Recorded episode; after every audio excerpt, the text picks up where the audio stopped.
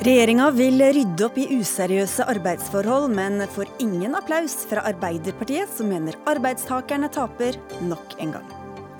Nazistmarsj i Fredrikstad ble stanset av politiet, som fryktet det skulle bli voldelig. Nå blir også motdemonstransene stoppet.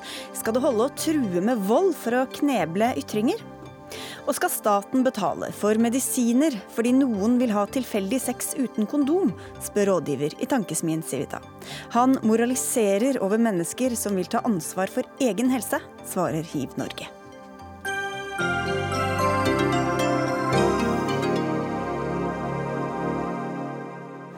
Dette er Dagsnytt 18 i NRK2 NRK P2. I studio i dag Sigrid Solund. Useriøse aktører i bemanningsbransjen, nulltimerskontrakter og overdreven bruk av vikarer. Vi har diskutert det utallige dager, ganger. I dag kom regjeringa med sitt godt varslede oppgjør med useriøse aktører og for mye innleid arbeidskraft. Blant annet presiseres begrepet fast ansettelse for å sikre stillingsvernet og gi større forutsigbarhet. Innføre makskvote på innleie av arbeidskraft og gi ny hjemmel for midlertidig ansettelse i bemanningsbyråer er to andre forslag som dere kommer med, arbeids- og sosialminister Anniken Hauglie. Hva slags effekt ser du for deg eh, samla av disse forslagene? Ja, det her er jo en pakke som vi nå foreslår. Det vi eh, nå skal det på høring, da, så jeg må ta forbehold om uh, hva som kommer ut av det til slutt. Men det som er hensikten med dette, det er, jo, det er jo, å eh, sørge for at ansatte får større forutsigbarhet for eh, lønn og for arbeidsoppgaver. Vi tydeliggjør fast ansettelsesbegrepet i loven, eh, hvor vi bl.a. følger opp en del av de rettsavgjørelsene som har vært. Samtid og Det betyr jo at den kontraktsformen som du viser til, altså fast ansettelse uten lønn mellom oppdrag, den vil da ikke lenger være mulig å ha.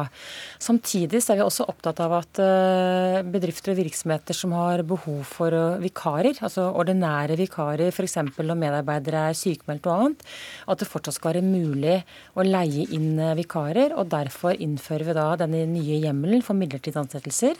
Men det skal kun være mulig for bemanningsbyråer, og det skal kun være mulig å bruke den når du skal eh, erstatte en annen, altså en kommer inn for en annen.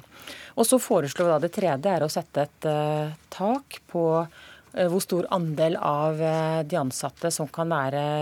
Så vi tror at summen av disse forslagene vil gjøre at uh, fast ansettelse blir tydeligere. Man får vekk den kontraktsformen som alle har vært opptatt av at ikke er bra. Det er disse null, null timer Ja, det har, vært, det har vært kalt mye, men i hvert fall den kontraktsformen som mange mener har vært et, eller er et problem, særlig bygg- og anleggsbransjen. Vi får bort den kontraktsformen, samtidig som vi også sikrer Eh, bedriftenes behov for fleksibilitet eh, for å ha vikarer.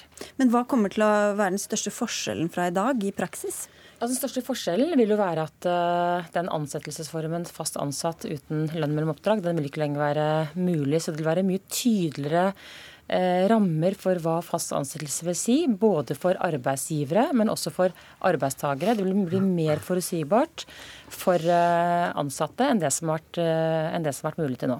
Og dette har jo dere etterlyst fra Arbeiderpartiets side, nestleder Trond Giske. Skal vi si takk for debatten allerede, eller? Vel, altså, Vi har etterlyst det i fire år, og det er jo bra at uh, dette med en definisjon av fast ansettelse kommer. Men hvis det er én gang du virkelig kan si for lite og for sent, så må det jo være nå. For nå har jo Stortinget gått fra hverandre, så det er jo ikke mulig å få dette vedtatt i Stortinget før etter valget. og Forhåpentligvis vil det da uansett være et flertall som strammer inn på dette, som vi har fått nedstemt så mange ganger med Høyre og Frp. Ok, Men, men, innholdet er dere såre fornøyd med? det? Nei, altså La oss nå gi ros for det ene punktet, nemlig å definere fast ansettelse. Det er viktig. Eh, vi har etterlyst det lenge. Nå kommer det. Det er bra. Men det er jo veldig synd da, at det ene positive punktet skal mer enn oppveies med et veldig negativt punkt, nemlig å, åpne for mer midlertidighet gjennom eh, vikarbyråene eller bemanningsbransjen. Eh, for det er jo ikke noe trøst for de ansatte at de blir midlertidig i bemanningsbransjen, enn at de er midlertidig direkte i bedriften. Det er denne utryggheten du kjenner på når du ikke vet hva lønna di er fra måned til måned, når du ikke vet eh, hva slags stillingsvern du har. Og når du vet helt sikkert at du ikke kan få et banklån til huset ditt, du får ikke etablert det, for du rett og slett ikke har den forutsigbarheten. Jeg tror eh, veldig mange opplever et arbeidsliv som er blitt mye tøffere.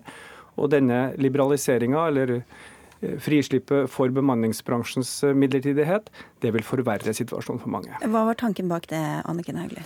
Nei, altså, Utfordringen med Arbeiderpartiets eh, forslag det er at eh, man fjerner riktignok eh, fast ansettelse uten lønn mellom oppdrag. Det gjør man. Men problemet med Arbeiderpartiets forslag det er at det ivaretar ikke behovet for å leie inn vikarer. altså Hvis du har sykmeldte på arbeidsplassen din, det er det det ikke ivaretar.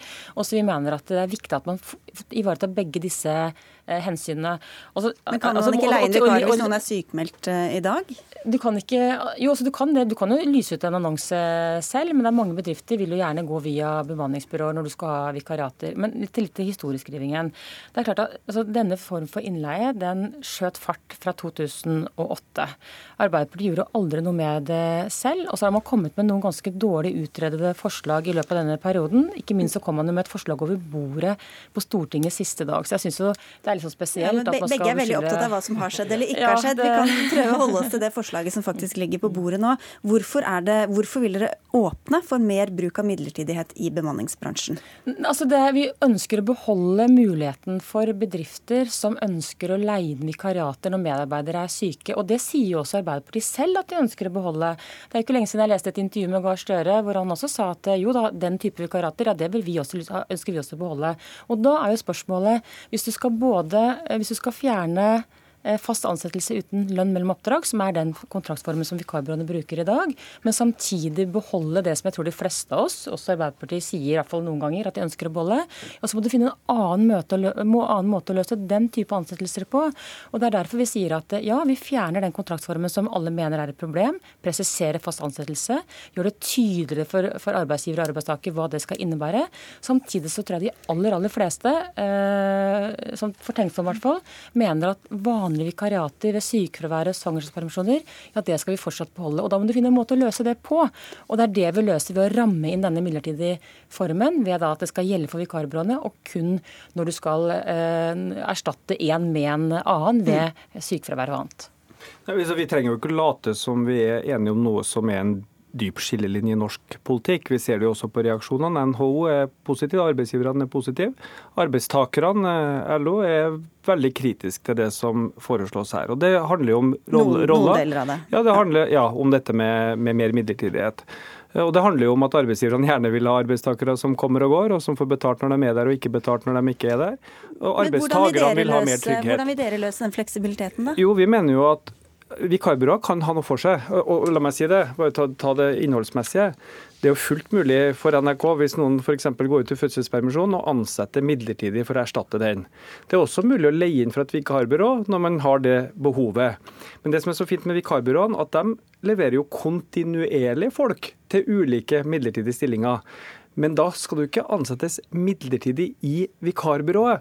Du skal ikke gå inn og ut av ulike vikarstillinger i år etter år etter år. Du skal fast ansettes hos vikarbyrået, og så fylle disse midlertidige behovene. Men det Anniken Hauglie nå gjør, er at du innfører jammen meg midlertidighet i vikarbyrået, så du får midlertidighet oppå midlertidigheten. Og det selges i et svært oppslag i VG som at nå strammes det inn. Tre dager etter at Høyre og Frp stemte ned 30 forslag for ja. et tryggere vi, vi og mer rettferdig arbeidsliv. Her, og det er hvorfor... det vi mener er litt lureri, da. Ja. Nei, altså forslaget, forslaget, Problemet med Arbeiderpartiets forslag var ikke intensjonen, men det var for dårlig. Men, men til vikarbyråene 17% av de som jobber i vikarbyråene, er studenter. Gjennomsnittlig arbeids, eh, altså ansettelsestiden er fire måneder.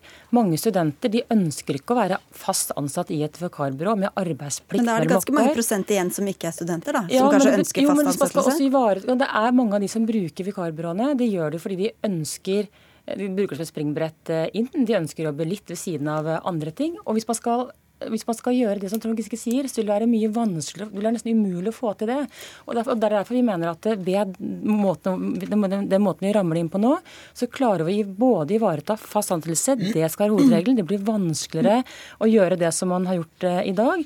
Samtidig så ivaretar man det som vi mener, eh, og som jeg tror da, i hvert fall de fleste ser er et behov. Men, men, men, bare, men, bare til bruken av det, for Hvis det er her fleksibiliteten ligger, mm. ser du for deg at det kan bli økt bruk av bemanningsbyråene, sånn at ingen vil ansette noen fast når de, så lenge de bare kan bruke bemanningsbyråer? og nei, dermed fordi, få dem nei, inn der? For kan, den, den hjemmelen vi nå innfører, må, den, den, er rammet inn på sånn måte at det skal kun gjelde når du skal erstatte en annen. Og så har Trond Giske rett i at eh, hvis NRK øh, har en ansatt som skal ut i fødselspermisjon, så kan man sette inn en annonse i avisen, lyse ut den uh, vikariatet uh, og ansette på den måten.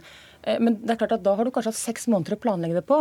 Men hvis det ringer en medarbeider fra NRK og sier at de har brakk beinet og blir gjort i seks uker, så er det mye vanskeligere å lyse ut annonsen. Da vil du kanskje heller ringe Manpower og si at jeg trenger en ansatt i seks uker. Så det, er det på en måte, altså Arbeiderpartiets forslag eller tilnærming virker utrolig virkelighetsfjern eh, og veldig lite innforstått med hvordan norsk arbeidsliv fungerer. Jeg mener du, du jukser, Anniken. fordi at Poenget er at også med vårt forslag vil selvfølgelig NRK eller en annen bedrift kunne ringe Manpower og få en vikar for noen som har brekt beinet på dagen. Men den vikaren som går i vikariat etter vikariat etter vikariat, skal på et eller annet tidspunkt ha rett til en ansettelse i bemanningsbyrået. Og ja, det er 17% som kanskje studenter som tar noen måneders arbeid. Ingen tvinger Manpower til å ansette dem fast, og de har ikke noe ønske om å ansette fast. Men, men å si at, men si at, en, si at en alenemor på 35 eller 40 som har behov for boliglån, trygghet i arbeidslivet, skal behandles som en student og aldri har rett til en fast ansettelse gjennom et bemanningsbyrå, vil Jo, men det er jo det du innfører. Men er ikke bemanningsbyråene også en vei inn i arbeidslivet? sånn at hvis, hvis hun uh, alenemoren jobber i seks ja, måneder et sted, så blir de kjempefornøyde, så ansetter de henne fast? Absolutt, og det vil også være mulig med Arbeiderpartiets opplegg. Det vi er mot, er at man skal gå i mange mange måneder og år midlertidig ansatt uten å vite fra år til år. Og Det er det som det nå åpnes for. En generell adgang for midlertidighet gjennom hvorfor, hvorfor kan de ikke ha det samme? Ha en prøvetid og, og, en, og, en, og prøve folk ut i, i, bemanningsbyråene, og så ansette dem fast etter en stund? Jeg tror at Arbeiderpartiet nå leser høringsutkastet nøye. Jeg tror det vil være en fordel for eh, alle parter. Det er klart at du, du vil ikke kunne gå årevis ut og inn og bli skalta og valta med et vikarbyrå heller. Så lenge det er midlertidige oppgaver du får. Nei, det er det du sier. Nei, men man vil hva, ikke hva vil være reglene, da? Altså, hvis du oppfyller vilkårene for fast ansettelse, så vil du måtte bli fast ansatt. Det er jo ikke sånn at du skal skaltes og voltes rundt med, men det vi sier er at at vikarbyråene skal få en eh, hjemmel til å kunne ansette midlertidig. og Det er bl.a. fordi at man fjerner kontraktsformen fast ansatt uten lønn mellom oppdrag. Men loven er veldig tydelig på i dag at enten så er du fast ansatt, eller så er du midlertidig ansatt. Og så er det en del vilkår for de ulike ansettelsesformene. Jeg føler meg ganske sikker på at den form for ut, eller innleievirksomhet som vi har sett fram til nå, og som mange uh, ser har vært uheldig for norsk arbeidsliv, ja, den vil også nå bortfalle. Og så, som jeg sa innledningsvis, nå skal du på høring. og Det kan godt tenkes at det er elementer vi ikke har tenkt på. Og Da kan høringsinstansene komme med det. Men jeg er helt sikker på, føler meg trygg på, at vi har klart å ivareta både arbeidstakersiden og arbeidsgiversiden eh, på en god og balansert måte. Det blir jo veldig teknisk, det her, men opplevelsen i arbeidslivet er at det blir mer midlertidighet, mer, mer innleie, tøffere arbeidsliv. Og sannheten er at dette sa dere også før valget i 2013. Vi skulle ikke utfordre fagbevegelsen, skulle ha faste ansettelser. Det endte med den største generalstreiken i Norge i nyere tid. Men, Hele ja. norsk fagbevegelse, ikke bare LO, men Unio og YS, gikk på gata og sa deres politikk er feil for tryggheten i arbeidslivet okay, og må forsterkes. Du får ti sekunder, Hauglie. Jeg tror mer på arbeidstakerorganisasjonene Anniken Hauglie enn jeg tror på Høyre og Frp når det gjelder å skape et eh, trygt og forutsigbart arbeidsliv. Bare, bare for å arrestere deg på ting, Som du også er klar over, Trond Giske, så har ikke antall midlertidige ansettelser økt. Tvert imot så går det tvert imot så går faktisk noe antall Der var vi over en helt annen debatt. Verken faste eller midlertidige jobber går opp under dere. Det skapes jobber, flere ansettes, og færre ansettes midlertidig. Så der tar du feil, Giske. Nå skrur jeg. Takk skal dere ha, begge begge to, eh, arbeidsminister Anniken Hauglie og Arbeiderpartiet nestleder Trond Giske.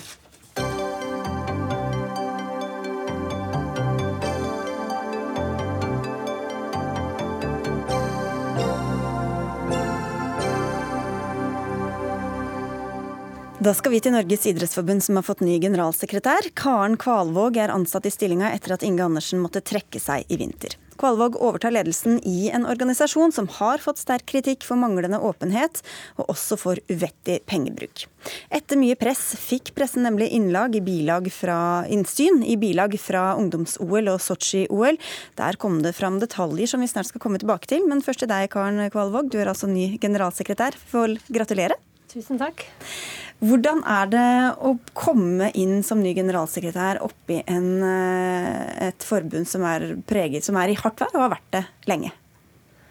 Eh, nå har jeg ikke startet enda, men jeg syns det, de har lagt, eh, den åpenhetslinjen som de har lagt seg på nå, det tenker jeg var veldig viktig. Og det er en veldig god plattform å bygge og videreutvikle NIF på.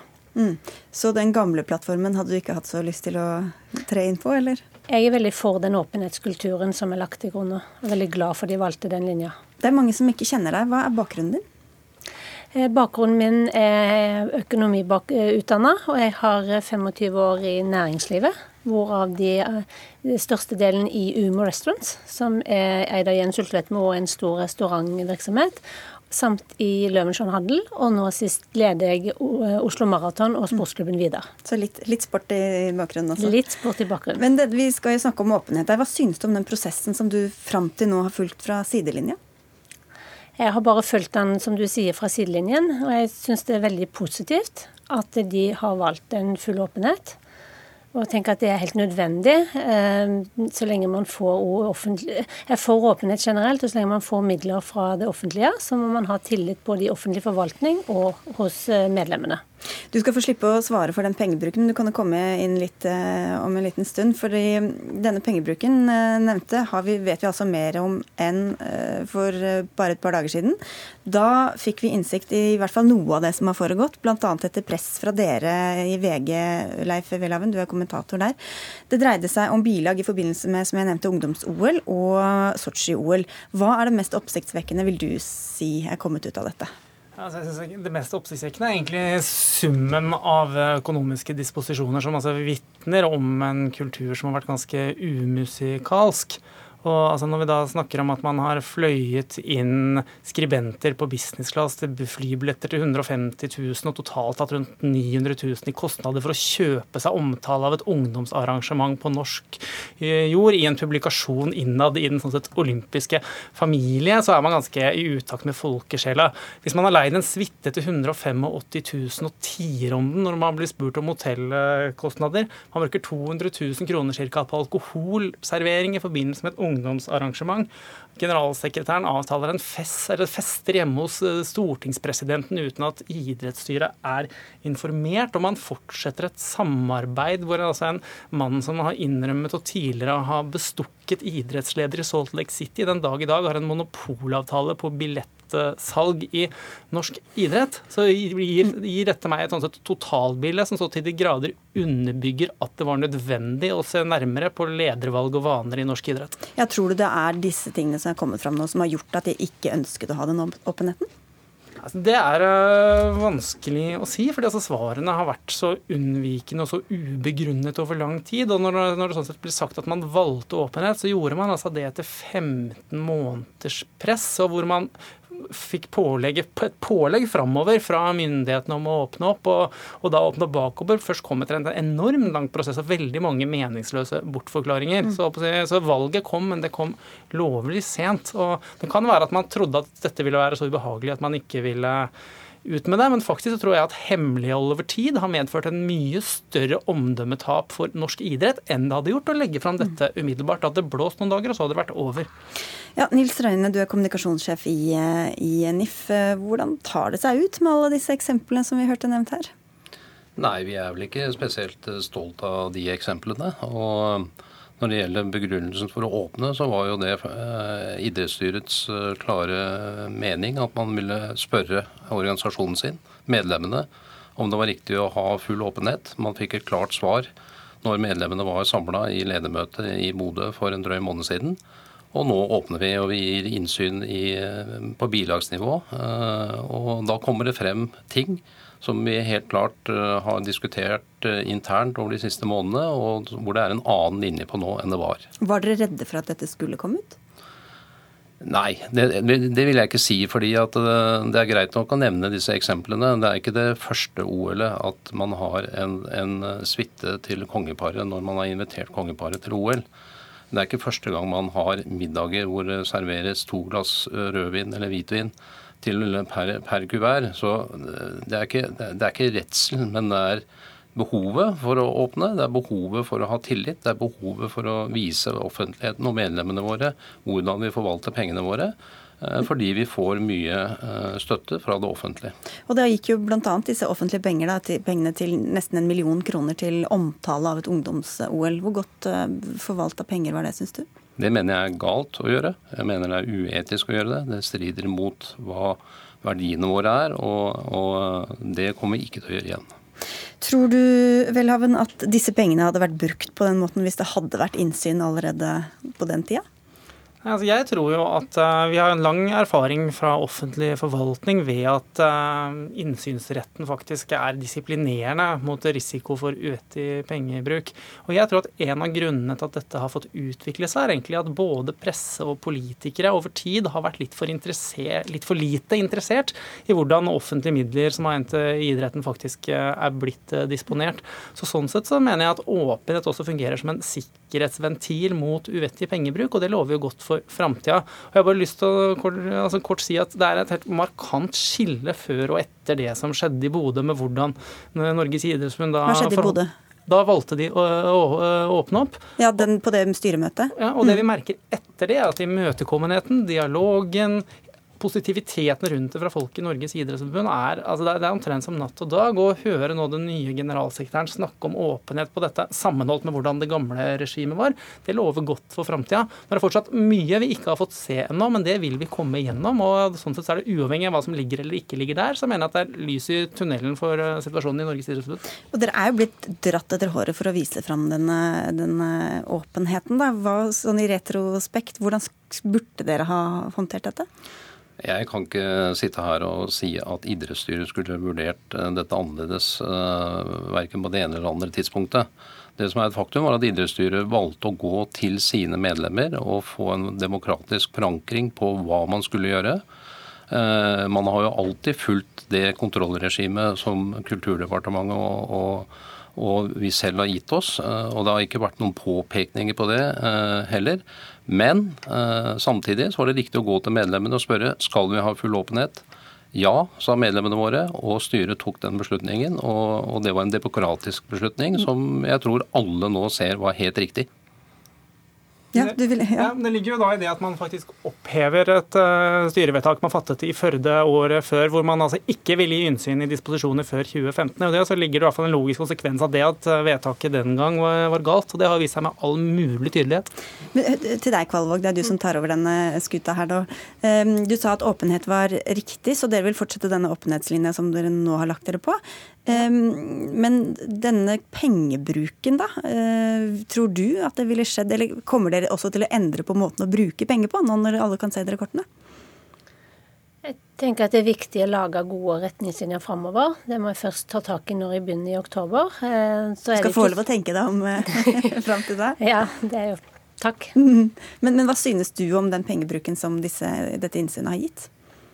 Jeg tenker at nå er det jo ikke sånn at daglig idrett består av champagne og kanapeer. Daglig idrett består av masse eh, idrettsglede for alle. Mm. Og det er det det skal bygges på. Men er det kongesuiter og 200 000 til alkohol og 900 000 til, eh, til eh, positiv omtale du vil satse på framover? nå har jo allerede Nils sagt at han ikke ville satset på 900 000 i positiv omtale, så det kan jeg vel si meg helt enig i. Og så er spørsmålet hva, Hvordan tror du at alle disse sakene eh, har påvirka folks syn på Idrettsforbundet? Jeg har lyst til å si at Tillit er helt avgjørende i dagens samfunn. Det har det vel for så vidt vært lenge. Det er helt avgjørende for eh, alle bedrifter, og det er det òg for eh, Idretts-Norge. Og tillit er ikke noe du får utdelt, det er noe du må gjenskape hele tida. Hva tror du, Velland? Altså jeg mener jo at toppen i norsk idrett har fått en betydelig og en dyp ripe i lokken, også i, på, på grasrotnivå i norsk eh, idrett. Og det tror jeg vil ta tid å gjenopprette. Jeg tror det er fullt mulig, og de stegene man har tatt nå, viser at man, at man er på vei. Men jeg tror man liksom må belage seg på at det har vært så mye dårlig håndtering over så lang tid at det vil sånn sett ta tid å få den skuta på rett kjøl igjen. Vi får ønske lykke til, da. Tusen takk. Jeg gleder meg. ja, og velkommen tilbake etter hvert. Takk. takk. skal dere ha også alle tre. Karen Kvalvåg, altså ny generalsekretær i eh, NIF, og også kommunikasjonssjef der, Nils Røyne, og til Leif Welhaven i VG.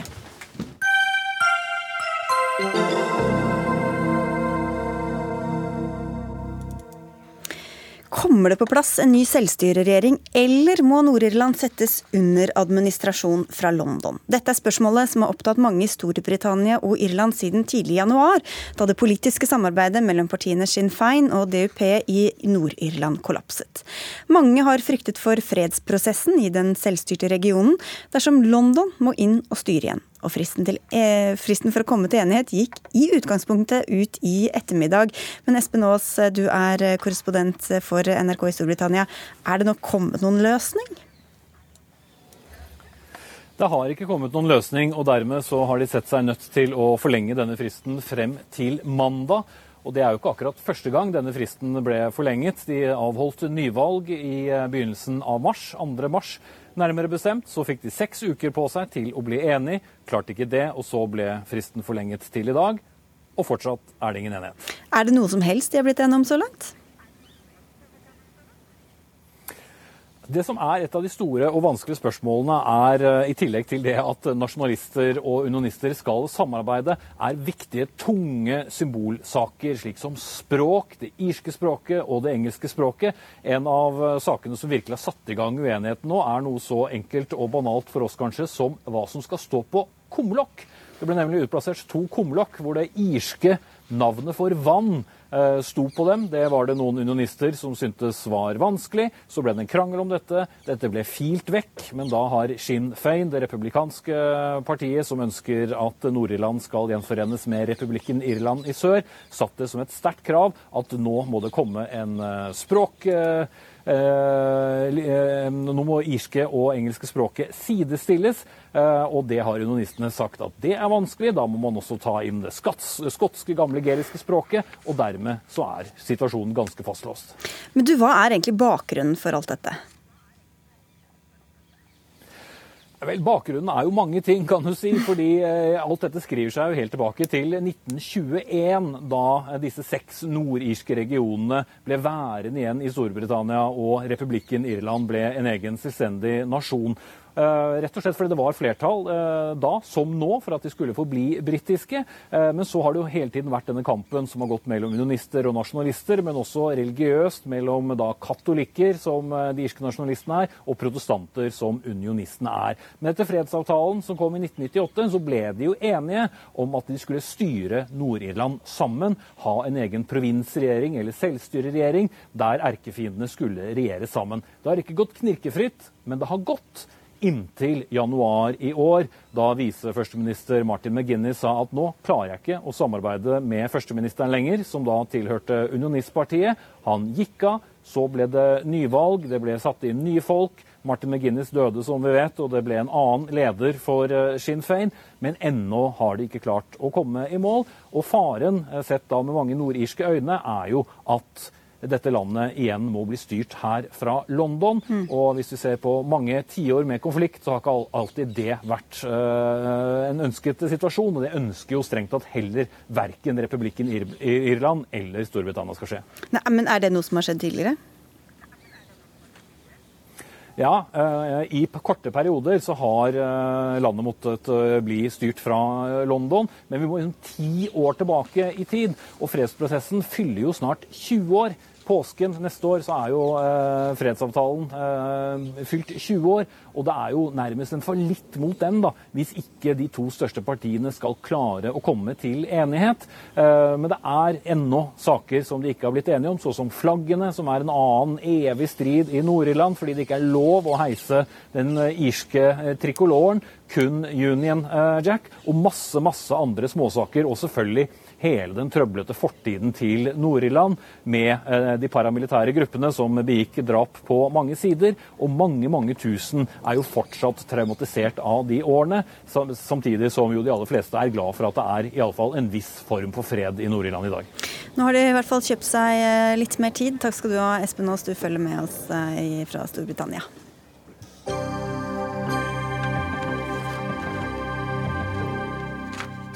Det begynte med at organisasjonen som kaller seg Den nordiske motstandsbevegelsen, ville arrangere en marsj i Fredrikstad med parolen 'Knus homolobbyen'. Politiet forbød markeringa fordi de fryktet at motdemonstranter ville ty til bråk og vold. Motdemonstrasjonen vokste seg til en folkefest for kjærlighet og mangfold, som kommunen selv også skulle være med å arrangere. Men i går ble det kjent at politiet forbyr også den, fordi de er redde for at den kan føre til en uakseptabel risiko for folk og demonstrantene selv. Steven Hasseldal, du er politimester. Eh, hvorfor tror dere at det kunne bli eh, bråk for Øst politidistrikt, glemte jeg å si? Denne saken starta med at det var den nordiske motstandsbevegelse som ville demonstrere. Eh, og Så kom da disse motdemonstrantene på banen. Og vi så etter hvert at dette arrangementet vokste og vokste, omtrent dag for dag. Og fikk etter hvert et omfang som, som var stort. Og I tillegg så hadde vi gode kilder på at det var eh, radikale som ville på en måte skape bråk, eh, uro, og også ty til fysiske eh, håndgripeligheter for å stanse dette demonstrasjonen. Så da måtte vi forby dette. Og Grunnen til at vi nå forbyr også motdemonstrantene, det er jo det at vi ser at for det første så er det litt urimelig at når man på å si forbyr demonstrantene, så bør kanskje altså motdemonstrantene forbys. Det er det ene argumentet. Men det andre argumentet, som er kanskje det viktigste, det er at eh, vi har også opplysninger som gjør at eh, vi ser at det her vil helt sikkert trekke til seg høyrekrefter. Og da er vi på en måte på samme eh, situasjon. Da, da, blir det bråk. Uh, og i slutten av juli i Fredrikstad sentrum så ønsker vi ikke det. Men det virker som det er urettferdig å markere hva var det jeg sa, kjærlighet og mangfold, hvis ikke nazistene også får demonstrere? Nei, det er ikke det jeg sier. Men poenget er at det var en demonstrasjon som vi har jobba for å få avviklet. Vi ønsker å legge til rette for at folk skal ytre seg. Og når vi måtte si nei, så var det selvfølgelig pga. at vi så at dette gikk utover den alminnelige ro, orden og sikkerheten. Og da er det kanskje litt urimelig at de som måtte ha pusha frem dette, skal få lov. Eh. Men Hva slags uh, uttalelser er det som er kommet som dere tar på så stort alvor at dere altså sier nei til dette? Vi har gode opplysninger på at eh, det var demonstranter. De, ikke de aller fleste. De aller fleste på venstresiden er hyggelige og ønsker å ha en hyggelig og god markering. Men det er også en del ekstreme eh, krefter på den siden som er villige til å gå veldig, veldig, langt for å stoppe denne demonstrasjonen. Og da sier vi at eh, sånn som dette ser ut nå, så er det all grunn til å tro at det blir håndgripeligheter i et stort omfang. Og skal politiet kunne sikre dette arrangementet, så krever det såpass store ressurser og såpass store reguleringer at det er ikke tilrådelig å gjøre i juli en lørdag midt i ferien. Ingvild Lendestad, du leder FRI, Foreninga for kjønns- og seksualitetsmangfold. Og dere er blant foreningene som skulle være med på denne markeringa. Hva syns du om avslaget? Nei, Jeg syns det er kjempebekymringsfullt den måten politiet i Østfold har opptredd i denne saken på. Eh, det kan virke som man ikke klarer å se forskjellen på en voldelig nazistisk bevegelse og en tverrpolitisk fredelig folkefest. Eh, og jeg syns det er bekymringsfullt at dersom eh, en folkefest for mangfold får noen trusler retta mot seg, så så skal man avlyse det. Vi vet jo at våre markeringer, sånn som Oslo Pride som vi markerer nå, ikke er like populært hos alle. Det er jo nettopp derfor vi ber politiet om hjelp, til å sørge for at vi får ivaretatt vår ytringsfrihet, vår forsamlingsfrihet, og at vi får lov til å markere den tryggheten. Og så vet vi også det at det er veldig mange i Fredrikstad nå som er bekymra eh, over nazistene som har lyst til å marsjere der. Eh, og mange av de er også nå bekymra over et politi som ikke er helt tydelig på hvor de står i denne saken. Men skal de stå noe sted, politiet, da? Politiet har jo et ansvar for å, for å trygge folk. Og i vårt moderne demokrati så er det jo sånn at minoriteter har et særskilt vern for en sånn beskyttelse. Og det er eh, Vi har ikke tatt stilling til hvorvidt eh, nazistene skulle få lov til å marsjere, men det er klart at man må skille på det som er en fredelig folkefest, og det som er en nazistisk voldelig gruppering mm. sitt ønske om å utslette noen av oss. Ja, nei, Vi skiller ikke på, på dette. Vi, eh, vår jobb er på å legge til rette for uh, ytringsfriheten. Om man har uh, det ene synet eller det andre synet, så lenge ikke man går over streken i forhold til det straffbare, så er det vår jobb å legge til rette for det. Så vi skiller ikke på om det er DNM eller en annen side som på en måte ønsker å demonstrere. Det er vår jobb å legge til rette for. Du sa jo nettopp som, at det var urimelig hvis det ikke skulle jo, bli behandlet men, men, likt. da. Poenget er at eh, hvorfor avslo vi søknaden til DNM? Det var ikke fordi eh, selve marsjen ville på en måte skape noe problem. Det er jo motdemonstranten som ville gjøre at dette ble et problem. Ja, DNM er den nordiske motstandsbevegelsen, må minne om det. Mm. Nettopp, sånn at du kan si. Men vi syns dette er vanskelig, vi òg. Vi ønsker jo å la demonstrasjonene gå, og synes det er veldig vanskelig. Og det var en vanskelig avgjørelse å si nei til dette. Men vi så at omfanget ble så stort at vi tenkte at dette blir for håndgripelig. Men vi prøver å legge til rette for det. Vi ønsker også å komme i dialog med partene for å få til en arrangement senere. Ja, og da det ikke, handler det ikke om hva slags ytringer man må komme, men om det rett og slett er trygt denne sted? Ja, men det er jo derfor vi trenger et politi som tar tryggheten til, til, demonstranter og de som skal markere, på alvor. Og det er klart det er et stort behov for en sånn markering nå i Fredrikstad. Det er mange som er redd for at de ikke hører til, og det er viktig å ha den type markeringer. Det er viktig at politiet nå i Oslo stiller opp sånn at vi kan ha Oslo Pride. Eh, det er viktig at politiet ga klarsignal til å holde en antirasistisk markering i Birkelund her om dagen i Oslo. Politiet i Østfold har en måte å uttale seg på som jeg blir bekymra for. Det er f.eks. Eh, når dere avlyste den markeringa eh, til nazistene, så sa dere at dere ikke at dere mente at nordiske motstandsbevegelsen ikke var interessert i å ty til vold, eh, da de vet at de kommer til å få store problemer.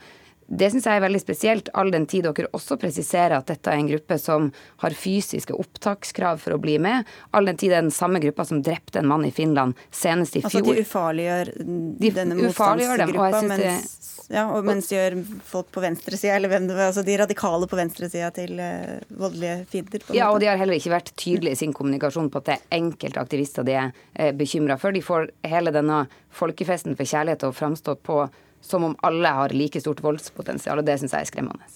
Dette er jo ikke riktig.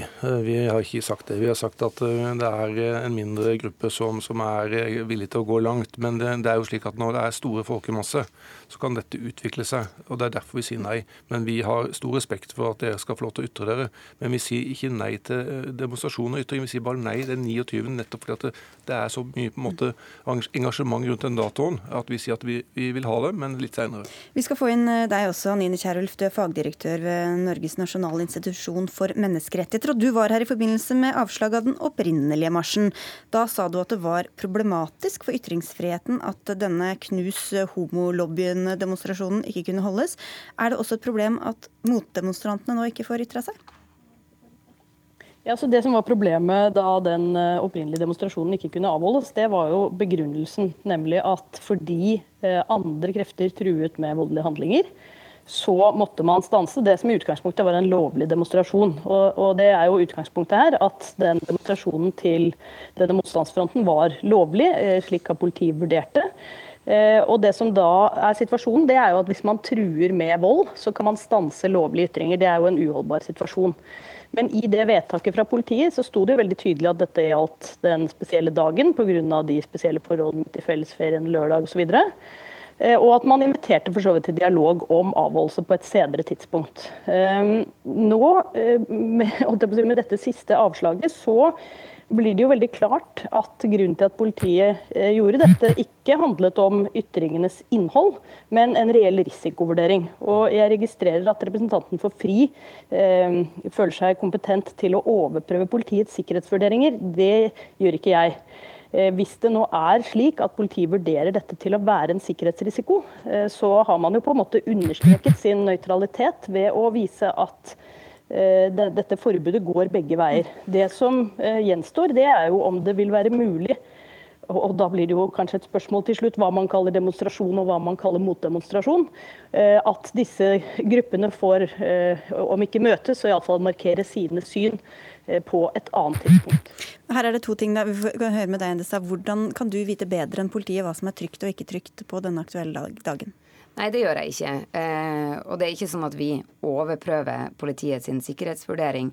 Men vi opplever at den skjer på et litt rart grunnlag. fordi Først så sa man at det ikke var noe voldspotensial hos denne eh, eh, nynazistiske gruppa. Eh, mens nå er et av grunnlagene at det er det. Eh, og jeg tror jeg tror vi må innse at vi, vi, har et klima som gjør at det kan være farlig å ha markeringer, og at man derfor noen ganger må få inn forsterkninger for å sørge for, så langt det lar seg gjøre, å få avholdt den type mm. markeringer. Og så var det dette om at uh, om det egentlig holder å bare komme med masse trusler for at dere skal, skal da stanse viktige ytringer, eller i hvert fall ytringer i, i det offentlige rom? Nei, Det holder selvfølgelig ikke. og Vi, vi baserer oss ikke kun på sosiale medier. Vi driver brei etterretning her og har et godt eh, etterretningsbilde. Og vi mener den vurderingen vi har på landa på, den er godt fundert. Slik at vi, eh, De opplysningene vi har, det er eh, håndfaste opplysninger, ikke bare sånn på å si noe vi tror. Mm. Det er konkrete opplysninger. Men Kjærulf, et av um, argumentene fra, fra, de som vil holde denne motdemonstrasjonen, eller markeringa som vi skal si, er jo at de i utgangspunktet er en utsatt gruppe, eller mange av dem, fra nettopp de som skulle demonstrere. Altså de vet at det, det, det, det foregår vold mot homofile, f.eks. Gjør det at politiet burde være ekstra beskyttende overfor dem, altså å ha et ekstra ansvar for å la dem også markere seg, eller hvordan er det? Er klart. Men, men, de har ikke noe mer ansvar for å la dem markere seg enn å få la andre lovlige ytringer komme frem. Men det er klart at den, denne gruppen har et særlig beskyttelsesbehov og føler berettiget frykt i møte med denne motstandsfronten. Det er jo politiet der for å passe på at det ikke kommer til noen voldelige handlinger. Men burde de da ha bemanna opp i stedet for å stanse det? Ja, ja, det burde de. og det, det, si, det, var det jeg mente med at uh, dette egentlig står og henger litt på at det er dette aktuelle tidspunktet som, som vi nå strides om.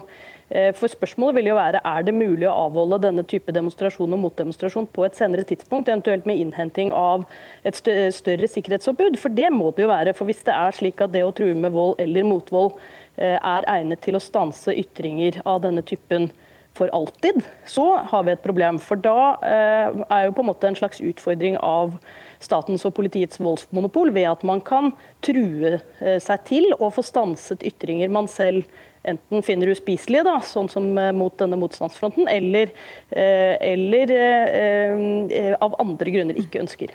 Så hvis man skal markere, så må man gjøre det på julaften eller en annen dag hvor alle er inne, da, eller? Nei da, det, det er ikke tanken vår. Vi har sagt og vært helt tydelige hele veien, både til, både til DNM og til nå de andre som hadde meldt at de ville ha en motopposisjon, at vi ønsker å ha en dialog med dere om en ny dato.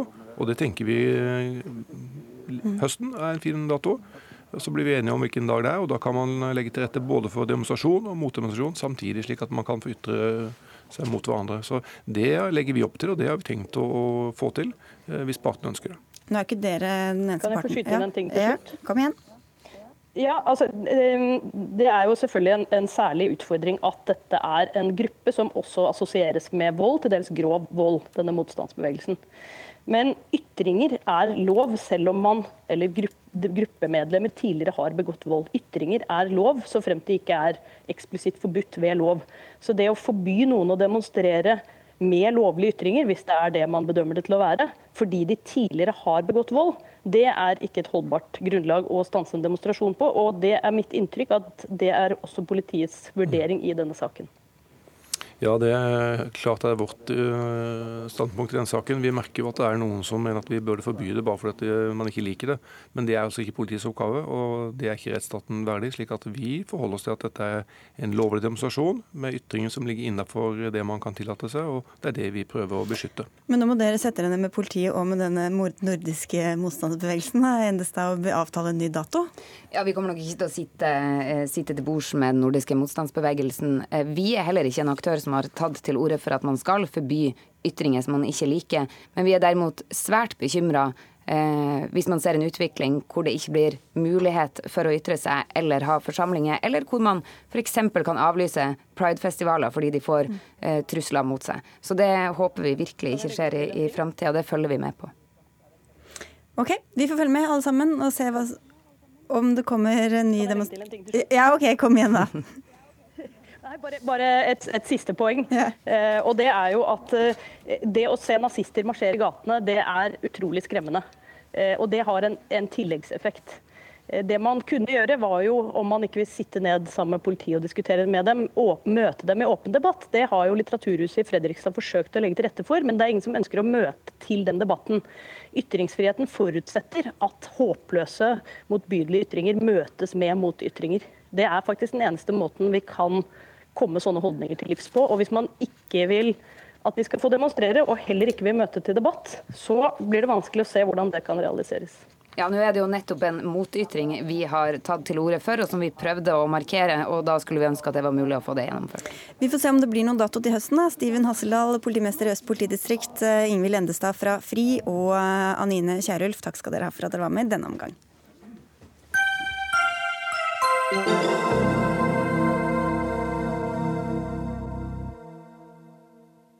Det finnes ingen vaksine mot hiv-viruset, men det finnes en pille som, hvis den blir tatt riktig, reduserer risikoen til i praksis null.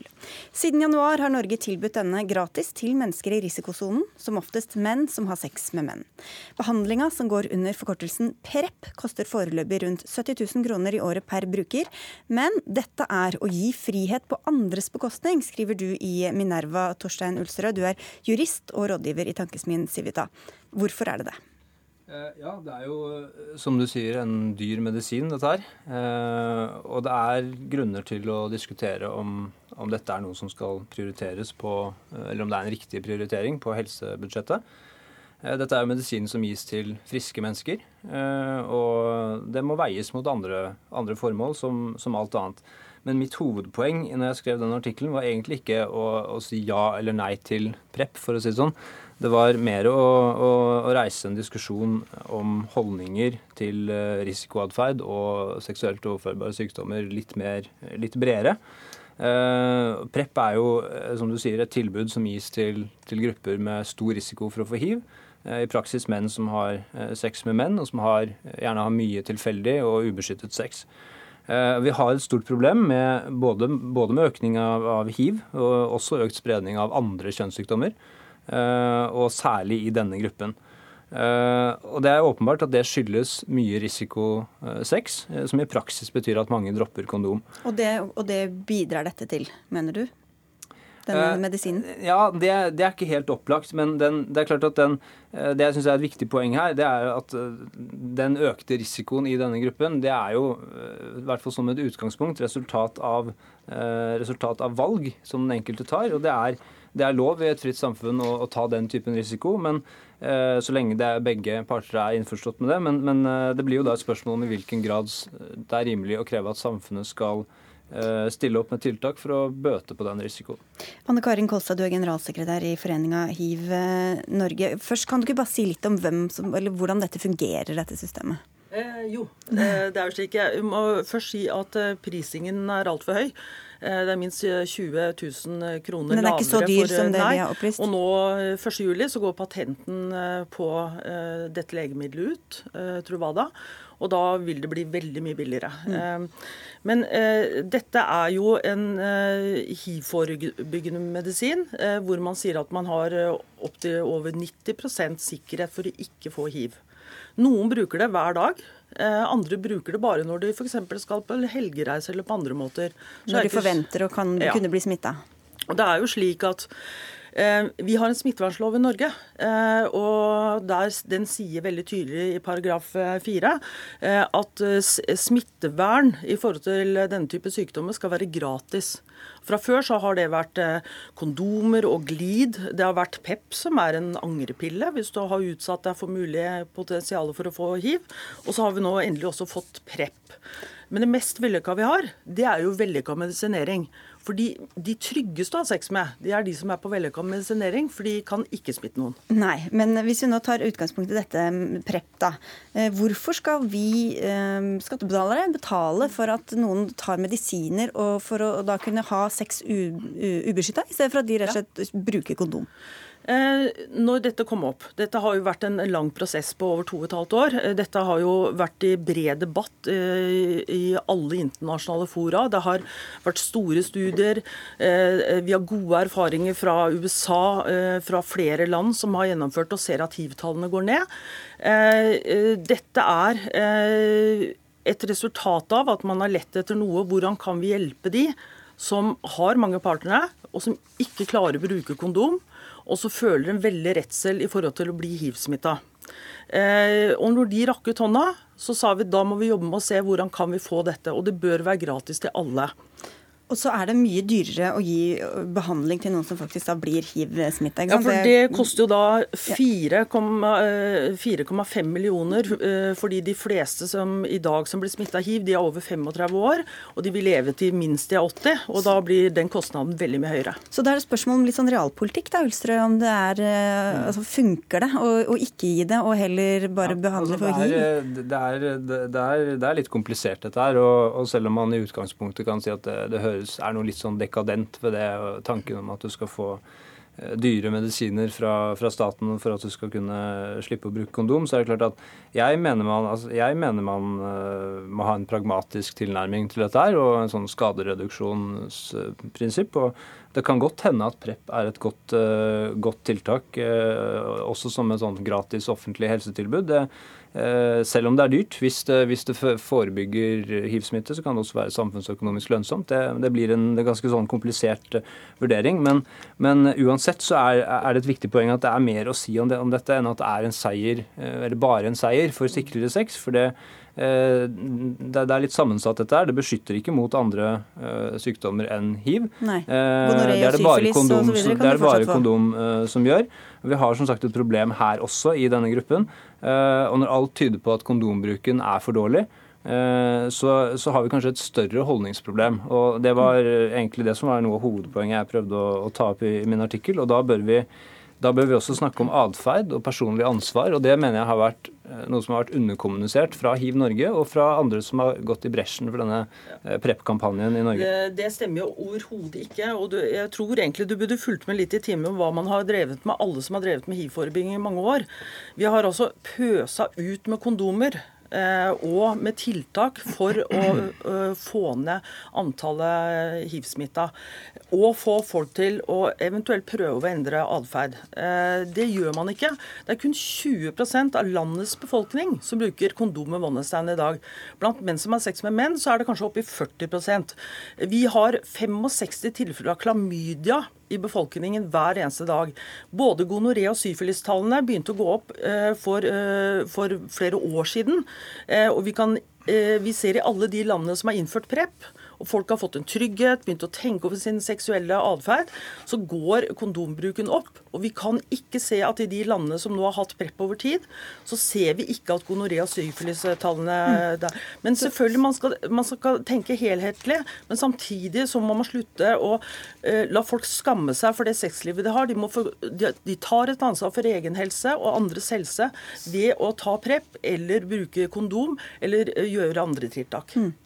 Ja, nei, altså det, det, er ikke snakk om å, å, få folk til å, å skamme seg. og det, det, Jeg er klar over at dere, dere, snakker om kondombruk også, det skulle bare mangle. Eh, men i, denne, i forbindelse med, med, kampanjen for å få PREP til Norge, så har din styreleder bl.a. understreket at han ikke vil høre snakk om moral og hva folk bør gjøre. Eh, vi hører stadig vekk at menn som har sex med menn, bare er en utsatt gruppe, som er sårbare. Eh, men er det, er det umoralsk, da? Om hva er umoralsk? Å ligge med andre menn? Nei, nei, nei overhodet ikke. Men, men, men, poenget er at det må gå an å si noe normativt om dette. Hva er det normative, da? Det normative er, er, er at, at, at, vi også har atferdsproblemer her. Ikke sant? At det må gå an å peke på noen ansvarlige mm. subjekter som, som, som bør endre atferd utover myndighetene, som vi hele tiden hører må, må gjøre mer. Uh, og, det, og det men, hører vi lite av. Ja, men det er, det er, jo feil det du sier. fordi at eh, For det første grunnen til at eh, vi har ropt høyt, da, det skal vi gjøre som pasientorganisasjon. Det er viktig. Og det var jo nettopp fordi at folk kom til oss. Vi møter de som har 300 partnere i året og er livredd for å få hiv. Men da kan de jo la være å ha 300 partnere i året eller bruke kondom, kan de ikke det? Ja, skal, skal man beslutte det, da? Eh, på en måte, altså Folk lever livene sine, det må du få lov til. Men de der, der er jo det personlige ansvaret som det personlige ansvaret tar de også når de velger å gå på PREP. For da sier de at da blir jeg i hvert fall ikke hiv-smitta, og så smitter jeg ingen andre. Og kan fortsette kan, som før. Ja, eller at de tenker hva er galt med å ha 300 partnere hvis det er sånn du vil leve? Veldig mange gjør det. Vi, men vi snakker jo ikke om sex i dette samfunnet her, så det, dette er jo ikke noe som folk på en måte får opp til overflaten. Det er, det er ikke sånn at alle er, er like. og jeg, jeg, jeg synes også at skal, vi skal også ha med dette, selv om vi har sagt det ene og det andre og promotert det som den pasient- og aktivistorganisasjonen vi er, så brukte man to og et halvt år fantastiske faglige vurderinger gjennom Helsedirektoratet og på andre måter før Høie sa ja til dette. Og det er et nåløye å komme gjennom for å få PREP gjennom Molafia med oppfølging hver tredje måned. Ja, det er den klinikken måned. som gir, gir disse ja, Så veldig trangt er ikke det nåløyet, for det er, det er, ikke mange som har fått avslag. Men la nå, la nå det ligge. Eh, det er, eh, som jeg, som jeg, sa tidligere, det er ikke noe Det kan godt hende at PREP er et godt tiltak. Min hovedinnvending eh, mot dette er litt av den tonen man har satt i denne kampanjen, bl.a. Og det er ikke noe hovedpoeng for meg å kritisere Hiv Norge her heller. Det ble brukt som et eksempel på en type argumentasjon. Dere gjør en kjempeviktig jobb på mange, mange, mange måter, og det fortjener dere honnør for. Men, men, eh, argumentasjonen for PREP er et eksempel på en type aktivisme som jeg mener går for langt. Og en retorikk som nærmest bagatelliserer risikoatferd og kjønnssykdommer. Din styreleder er et eksempel på det. For okay. ta et eksempel på hva han sa i en Men vi kan ikke ta flere eksempler, for vi er okay. nødt til å avslutte. Beklager. Da, da du rister på hodet. Ja, vi, får, vi får si tusen takk for at dere kom, i hvert fall Torstein Ulstrø fra Civita og Anne Karin Kolstad fra Hiv Norge.